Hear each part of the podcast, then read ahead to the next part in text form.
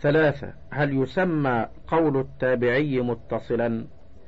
قال العراقي وأما أقوال التابعين إذا اتصلت الأسانيد إليهم فلا يسمونها متصلة في حالة الإطلاق. أما مع التقييد فجائز وواقع في كلامهم كقولهم هذا متصل إلى سعيد بن المسيب أو إلى الزهري أو إلى مالك ونحو ذلك. قيل والنكتة في ذلك أنها تسمى مقاطيع فإطلاق المتصل عليها كالوصف لشيء واحد بمتضادين لغة. زيادات الثقات صفحة مئة وسبع وثلاثين. واحد المراد بزيادات الثقات الزيادات جمع زيادة والثقات جمع ثقة. والثقة هو العدل الضابط والمراد بزيادة الثقة ما نراه زائدا من الألفاظ في رواية بعض الثقات لحديث ما عما رواه الثقات الآخرون لذلك الحديث. اثنان أشهر من اعتنى بها. هذه الزيادات من بعض الثقات في بعض الأحاديث لفتت أنظار العلماء. فتتبعوها واعتنوا بجمعها ومعرفتها وممن اشتهر بذلك الأئمة ألف أبو بكر عبد الله ابن محمد ابن زياد النيسابوري باء أبو نعيم الجرجاني جيم أبو الوليد حسان بن محمد القرشي. ثلاثة مكان وقوعها ألف في المتن بزيادة كلمة أو جملة باء في الإسناد برفع موقوف أو وصل مرسل. أربعة حكم الزيادة في المتن. أما الزيادة في المتن فقد اختلف العلماء في حكمها على أقوال. ألف فمنهم من قبلها مطلقا باء ومنهم من ردها مطلقا. جيم ومنهم من رد الزيادة من راوي الحديث الذي رواه أولا بغير زيادة وقبلها من غيره. في الهامش انظر علوم الحديث صفحة سبع وسبعين والكفاية صفحة أربعمائة وأربع وعشرين وما بعدها. انتهى الهامش. وقد قسم ابن الصلاح الزيادة حسب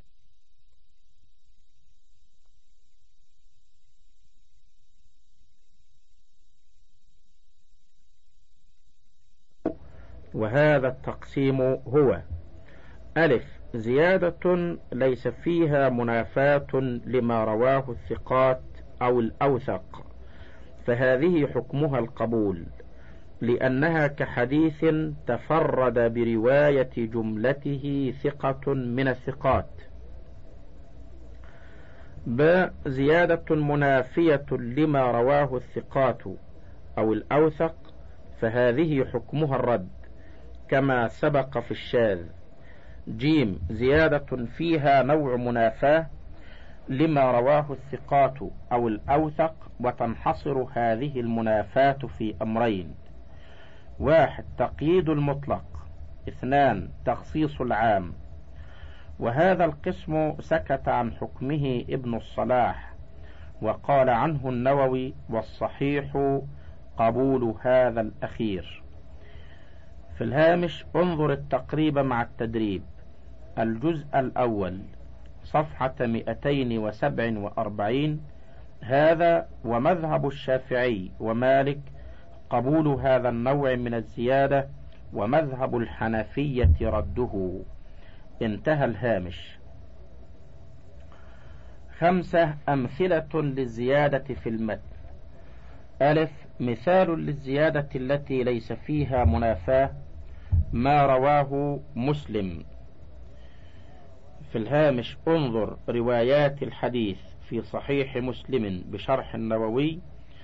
الجزء الثالث صفحة مئة واثنتين وثمانين وما بعدها. انتهى الهامش. ما رواه مسلم من طريق علي بن مسهر عن الأعمش عن أبي رزين وأبي صالح عن أبي هريرة رضي الله عنه من زيادة كلمة فليرقه في حديث ولوغ الكلب ولم يذكرها سائر الحفاظ من أصحاب الأعمش وإنما رووه هكذا إذا ولغ الكلب في إناء أحدكم فليغسله سبع مرار. فتكون هذه الزيادة كخبر تفرد به علي بن مسهر وهو ثقة فتقبل تلك الزيادة. باء مثال للزيادة المنافية. زيادة يوم عرفة في حديث يوم عرفة ويوم النحر وأيام التشريق عيدنا أهل الإسلام وهي أيام أكل وشرب. فإن الحديث من جميع طرقه بدونها. وإنما جاء بها موسى ابن علي ابن رباح عن أبيه عن عقبة ابن عامر والحديث أخرجه الترمذي وأبو داود وغيرهما. جيم مثال للزيادة التي فيها نوع منافاة. ما رواه مسلم من طريق أبي مالك الأشجعي عن ربعي عن حذيفة قال قال رسول الله صلى الله عليه وسلم وجعلت لنا الأرض كلها مسجدا وجعلت تربتها لنا طهورا فقد تفرد أبو مالك الأشجعي بزيادة تربتها ولم يذكرها غيره من الرواة وإنما رووا الحديث هكذا. وجعلت لنا الأرض مسجدا وطهورا. في الهامش المصدر السابق الجزء الخامس صفحة أربع وما بعدها. انتهى الهامش. ستة حكم الزيادة في الإسناد. أما الزيادة في الإسناد فتنصب هنا على مسألتين رئيسيتين يكثر وقوعهما. وهما تعارض الوصل مع الإرسال وتعارض الرفع مع الوقف. أما باقي صور الزيادة في الإسناد فقد أفرد العلماء لها أبحاثا خاصة مثل المزيد في متصل الأسانيد هذا وقد اختلف العلماء في قبول الزيادة وردها على أربعة أقوال وهي ألف الحكم لمن وصله أو رفعه أي قبول الزيادة وهو قول جمهور الفقهاء والأصوليين. في الهامش قال الخطيب هذا القول هو الصحيح عندنا. الكفاية صفحة أربعمائة وإحدى عشرة. انتهى الهامش. باء الحكم لمن أرسله أو وقفه أي رد الزيادة. وهو قول أكثر أصحاب الحديث. جيم الحكم للأكثر وهو قول بعض أصحاب الحديث. دال الحكم للأحفظ وهو قول بعض أصحاب الحديث. ومثاله حديث لا نكاح إلا بولي فقد رواه يونس ابن أبي إسحاق السبيعي. وابنه إسرائيل وقيس بن الربيع عن أبي إسحاق مسندا متصلا ورواه سفيان الثوري وشعبة ابن الحجاج عن أبي إسحاق مرسلا. في الهامش انظر المثال واختلاف الرواة في إرساله ووصله في الكفاية صفحة أربعمائة وتسع وما بعدها. انتهى الهامش. الاعتبار والمتابع والشاهد. صفحة مئة وإحدى وأربعين. واحد تعريف كل منها. ألف الاعتبار واحد لغة. مصدر اعتبر. ومعنى الاعتبار النظر في الأمور ليعرف بها شيء آخر من جنسها. اثنان اصطلاحا. هو تتبع طرق حديث انفرد بروايته راو ليعرف هل شاركه في روايته غيره أو لا. باء المتابع ويسمى التابع. واحد لغة هو اسم فاعل من تابع بمعنى وافق اثنان اصطلاحا هو الحديث الذي يشارك فيه رواته رواة الحديث الفرد لفظا ومعنى أو معنى فقط مع الاتحاد في الصحابي. جيم الشاهد. واحد لغة اسم فاعل من الشهادة. وسمي بذلك لأنه يشهد أن للحديث الفرد أصلا. ويقويه كما يقوي الشاهد قول المدعي ويدعمه. اثنان اصطلاحا. هو الحديث الذي يشارك فيه رواته رواة الحديث الفرد لفظا ومعنى أو معنى فقط مع الاختلاف في الصحابي. اثنان الاعتبار ليس قسيما للتابع والشاهد. ربما يتوهم شخص أن الاعتبار قسيم للتابع والشاهد لكن الأمر ليس كذلك. وإنما الاعتبار هو هيئة التوصل إليهما أي هو طريقة البحث والتفتيش عن التابع والشاهد. ثلاثة اصطلاح آخر للتابع والشاهد. ما ذكر من تعريف التابع والشاهد هو الذي عليه الأكثر وهو المشهور لكن هناك تعريف آخر لهما وهو ألف التابع أن تحصل المشاركة لرواة الحديث الفردي باللفظ سواء اتحد الصحابي أو اختلف. باء الشاهد أن تحصل المشاركة لرواة الحديث الفرد بالمعنى سواء اتحد الصحابي أو اختلف. هذا وقد يطلق اسم أحدهما على الآخر فيطلق اسم التابع على الشاهد. كما يطلق اسم الشاهد على التابع والأمر سهل كما قال الحافظ ابن حجر. في الهامش في شرح النخبة صفحة ثمان وثلاثين انتهى الهامش. والأمر سهل كما قال الحافظ ابن حجر لأن الهدف منهما واحد وهو تقوية الحديث بالعثور على رواية أخرى للحديث. أربعة المتابعة. ألف تعريفها.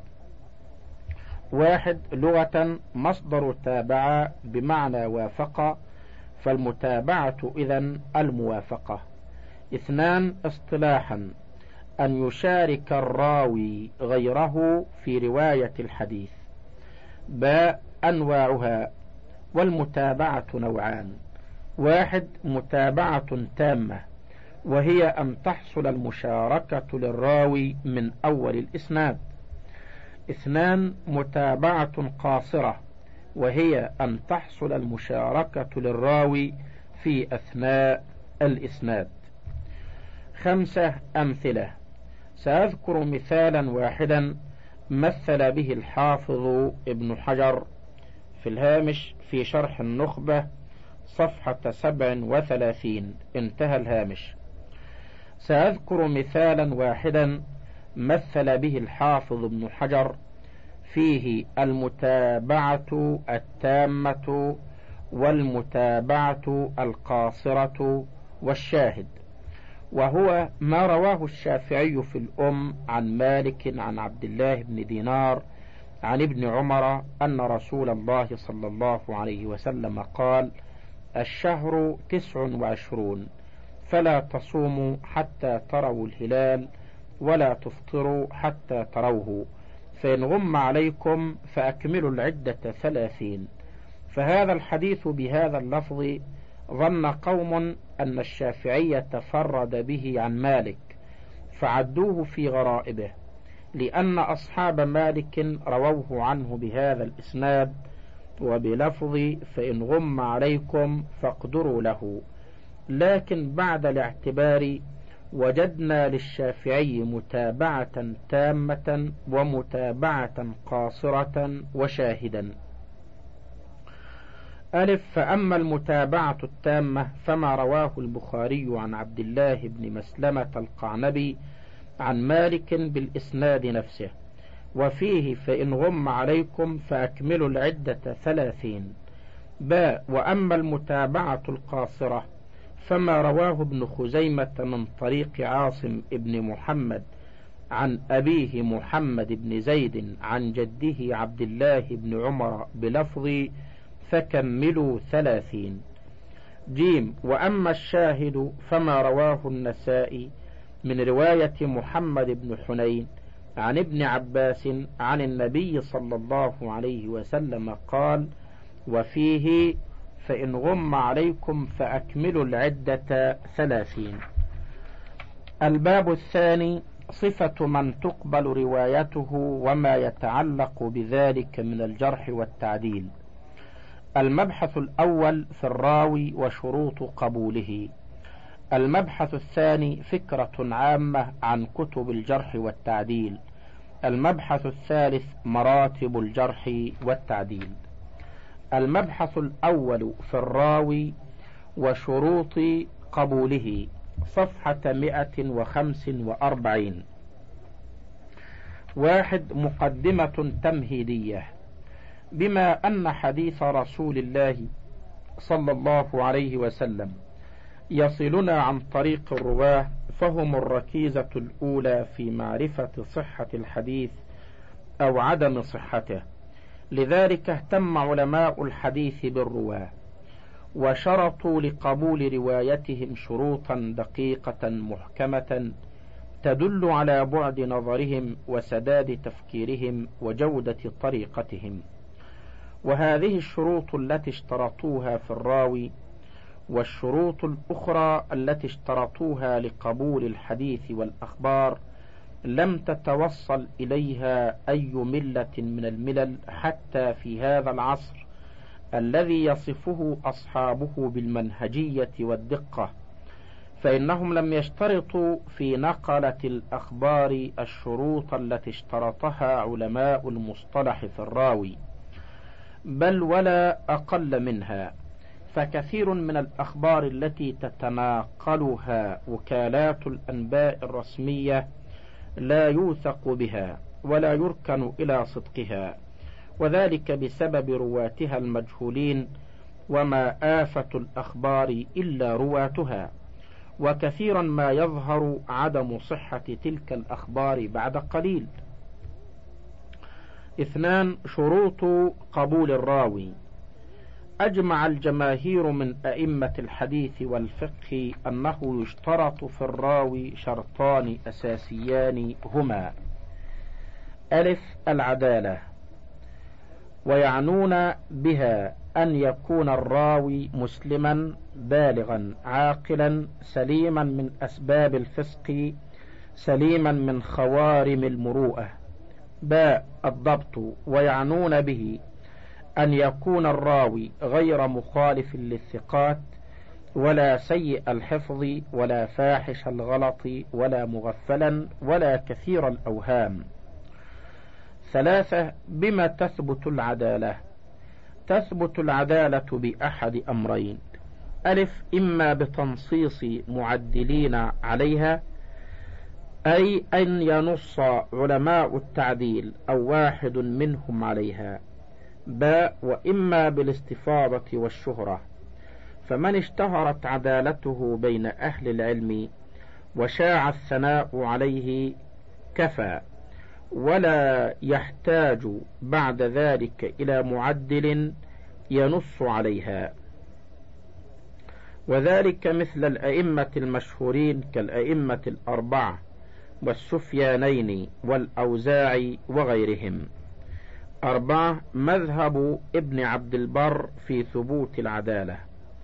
رأي ابن عبد البر أن كل حامل علم معروف العناية به محمول أمره على العدالة حتى يتبين جرحه. واحتج بحديث يحمل هذا العلم من كل خلف عدوله ينفون عنه تحريف الغالين وانتحال المبطلين وتأويل الجاهلين. في الهامش رواه ابن عدي في الكامل وغيره. وقال العراقي له طرق كلها ضعيفة لا يثبت منها شيء. وقد حسنه بعض العلماء لكثرة طرقه. وانظر التفاصيل في التدريب الجزء الأول صفحة ثلاثمائة واثنتين وثلاثمائة وثلاث انتهى الهامش. وقوله هذا غير مرضي عند العلماء لأن الحديث لم يصح وعلى فرض صحته فإن معناه ليحمل هذا العلم من كل خلف عدوله. بدليل أنه يوجد من يحمل هذا العلم وهو غير عدل خمسة كيف يعرف ضبط الراوي؟ يعرف ضبط الراوي بموافقته الثقات المتقنين في الرواية. فإن وافقهم في روايتهم غالبا فهو ضابط. ولا تضر مخالفته النادرة لهم. فإن كثرت مخالفته لهم اختل ضبطه ولم يحتج به. ستة هل يقبل الجرح والتعديل من غير بيان؟ ألف أما التعديل فيقبل من غير ذكر سببه على الصحيح المشهور لأن أسبابه كثيرة يصعب حصرها. إذ يحتاج المعدل أن يقول مثلا لم يفعل كذا. لم يرتكب كذا أو يقول هو يفعل كذا ويفعل كذا وهكذا. باء أما الجرح فلا يقبل إلا مفسرا لأنه لا يصعب ذكره. ولأن الناس يختلفون في أسباب الجرح فقد يجرح أحدهم بما ليس بجارح. قال ابن الصلاح وهذا ظاهر مقرر في الفقه وأصوله. وذكر الخطيب الحافظ أن مذهب الأئمة من حفاظ الحديث ونقاده مثل البخاري ومسلم وغيرهما ولذلك احتج البخاري بجماعة سبق من غيره الجرح لهم كعكرمة وعمر بن مرزوق واحتج مسلم بسويد بن سعيد وجماعة اشتهر الطعن فيهم. وهكذا فعل أبو داود. وذلك دال على أنهم ذهبوا إلى أن الجرح لا يثبت إلا إذا فسر سببه. في الهامش علوم الحديث صفحة ست وتسعين باختصار يسير. انتهى الهامش. سبعة. هل يثبت الجرح والتعديل بواحد؟ ألف الصحيح أنه يثبت الجرح والتعديل بواحد. باء وقيل لا بد من اثنين. ثمانية اجتماع الجرح والتعديل في راو واحد. إذا اجتمع في راو الجرح والتعديل ألف فالمعتمد أنه يقدم الجرح إذا كان مفسرا. باء وقيل إن زاد عدد المعدلين على الجارحين قدم التعديل وهو ضعيف غير معتمد. تسعة حكم رواية العدل عن شخص. ألف رواية العدل عن شخص لا تعتبر تعديلا له عند الأكثرين وهو الصحيح. وقيل هو تعديل. باء وعمل العالم وفتياه على وفق حديث ليس حكما بصحته وليس مخالفته له قدحا في صحته ولا في رواته وقيل بل هو حكم بصحته وصححه الآمدي وغيره من الأصوليين وفي المسألة كلام طويل.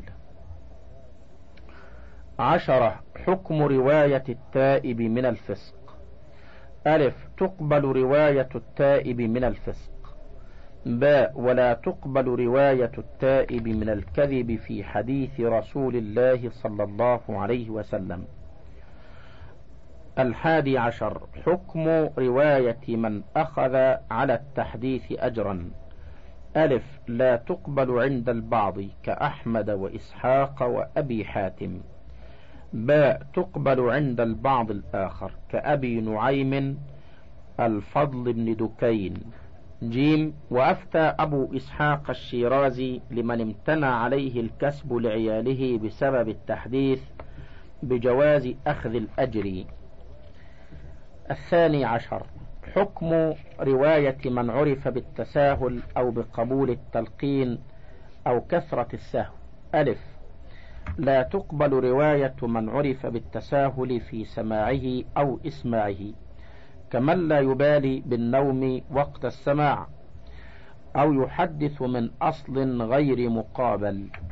باء ولا تقبل رواية من عرف بقبول التلقين في الحديث بأن يلقن الشيء فيحدث به من غير أن يعلم أنه من حديثه.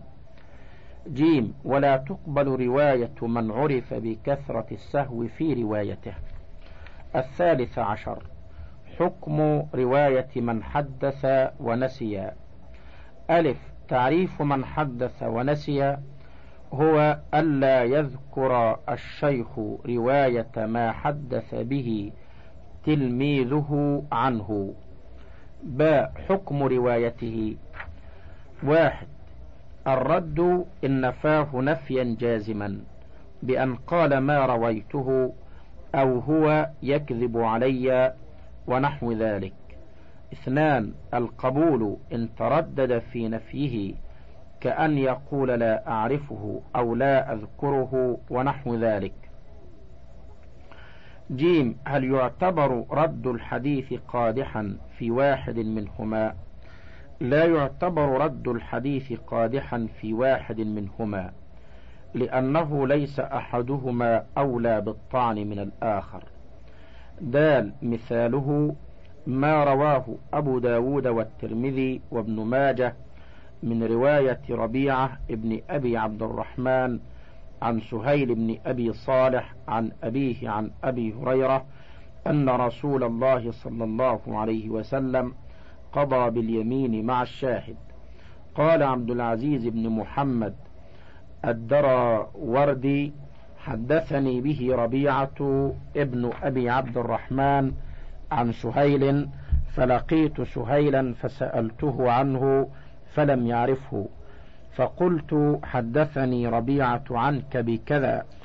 فصار سهيل بعد ذلك يقول حدثني عبد العزيز عن ربيعة عني أني حدثته عن أبي هريرة رضي الله عنه مرفوعا بكذا. ها أشهر المصنفات فيه. كتاب أخبار من حدث ونسي للخطيب. المبحث الثاني فكرة عامة عن كتب الجرح والتعديل صفحة 150 بما أن الحكم على الحديث صحة وضعفا مبني على أمور منها عدالة الرواة وضبطهم أو الطعن في عدالتهم وضبطهم. لذلك قام العلماء بتصنيف الكتب التي فيها بيان عدالة الرواة وضبطهم منقولة عن الأئمة المعدلين الموثوقين. وهذا ما يسمى بالتعديل كما أن في تلك الكتب بيان الطعون الموجهة إلى عدالة بعض الرواة أو إلى ضبطهم وحفظهم كذلك منقولة عن الأئمة غير المتعصبين. وهذا ما يسمى بالجرح. ومن هنا أطلق على تلك الكتب كتب الجرح والتعديل. وهذه الكتب كثيرة ومتنوعة فمنها المفردة لبيان الرواة الثقات ومنها المفردة لبيان الضعفاء والمجروحين ومنها كتب لبيان الرواة الثقات والضعفاء. ومن جهة أخرى فإن بعض هذه الكتب عام لذكر رواة الحديث بغض النظر عن رجال كتاب أو كتب خاصة من كتب الحديث ومنها ما هو خاص بالتراجم رواة كتاب خاص أو كتب معينة من كتب الحديث. انتهى الشريط الخامس وللكتاب بقية على الشريط التالي.